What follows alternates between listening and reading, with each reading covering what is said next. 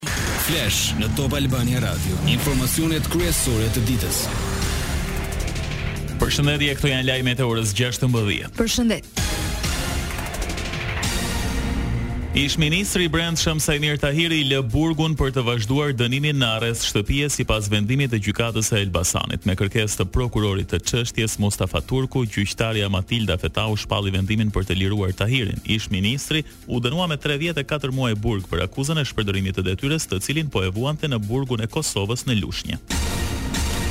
Për ish-ministrin Saimir Tahiri janë dy ekspertiza mjeko-ligjore që arsyetojnë se përse ai nuk mund të qëndrojë në burg për pjesën e mbetur të dënimit. Në të parën thuhet se vetë Tahiri ka probleme shëndetësore, ndërsa në akt ekspertizën e dytë shpjegohet se bashkëshortja e ish-ministrit nuk është në gjendje të mirë shëndetësore dhe për pasojë nuk ka kush kujdeset për fëmijët. Këtë e konfirmoi dhe avokati i Tahirit, Maks Haxhia. Zoti Haxhia, pse u lirua Samir Tahiri? Se u zbatua ligji. Kuptohet që ministri i Brendshëm në këtë rast s'mund të pretendohet që ka rrezikshmëri të theksuar shoqërore për këtë vepër. E treta është t'i ketë ngelur më pak se 2 vjet, nga 3 vjet e 4 muaj zotit Tahirit i ka ngelur një vit e 7 muaj e 11 ditë. E katërta të ketë fëmijë të mitur në ngarkim. që i ka dy fëmijë dhe e pesta është një bashkëshorti që është ose të jetë në pamundësi shëndetësore dhe në këtë rast bashkëshortja e Samir Tahirit, vuan nga një sëmundje që Pas lirimit, ish-ministri do ketë kontakt me shërbimin e provës. Po do ketë kontakt me të.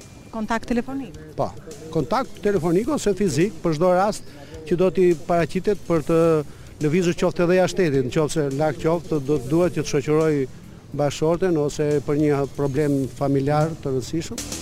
Për avokatin mbrojtës Haxhia, lirimi i Tahirit ishte i vonuar. Para ca kohësh u lirua një nga ai burg ku ishte zoti Tahir, u lirua një person me precedent të theksuar. Si quhet ai person? Tashi më lër ta them një herë pastaj ti do ta dish si quhet. U lirua një person me precedent të theksuar kriminal dhe duke dalë i tha zoti Tahir më vjen shumë keq tha Dhe shumë turp që dal unë edhe rri ti në burg. Faleminderit. Paska zënë shoqëri Tahiri. Normal. Sali Berisha ka reaguar për lirimin nga burgu të Saimir Tahirit. U lirua me urdhër të Edi Ramës, me ultimatum që Tahiri i çoi kur tha se përndryshe do të zbërthejë të gjitha linjat kriminale të Olsi Ramës me bandat e Meksikës e me radhë, tha Berisha.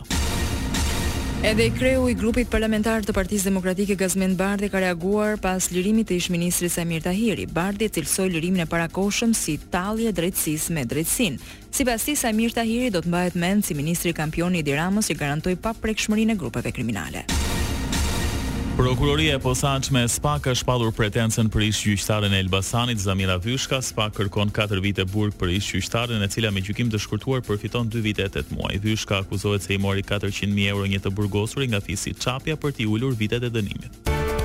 Lajme nga rajoni. Kuvendi i Kosovës po debaton për krizën e krijuar në veri të vendit, kryeministri Albin Kurti lexoi një listë me emrat e dhunuesve të ushtarëve të KFOR. Personat e maskuar që ishin pjesë e protestës së dhunshme në Zveçan janë, Nikolla Axhiç, ka hedhur koktej molotovi në Zveçan dhe është pjesëtar i organizatës kriminale serbe Severna Brigada, Millan Zhivkoviç, po ashtu pjesëtar i të njëjtës organizatë, Danilo Krivokapiç, Jovica Llazoviç, Nikolla Radomiroviç, vëllezërit, Stefan dhe Dejan Nedeljkoviq. Kjo organizatë kriminale në rrjetet sociale ka postuar lajm që pjesëtarë të grupit mercenar rus Wagner kanë arritur në Kosovë.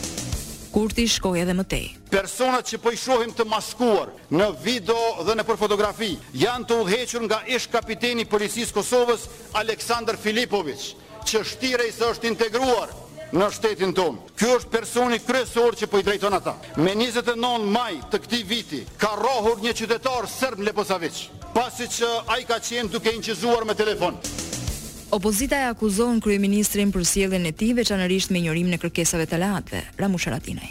Ajo që ne nuk po e flasim në Kosovë, është ku po shkon Kosova nën udhëheqjen e kryeministrit Kurti ju lutem.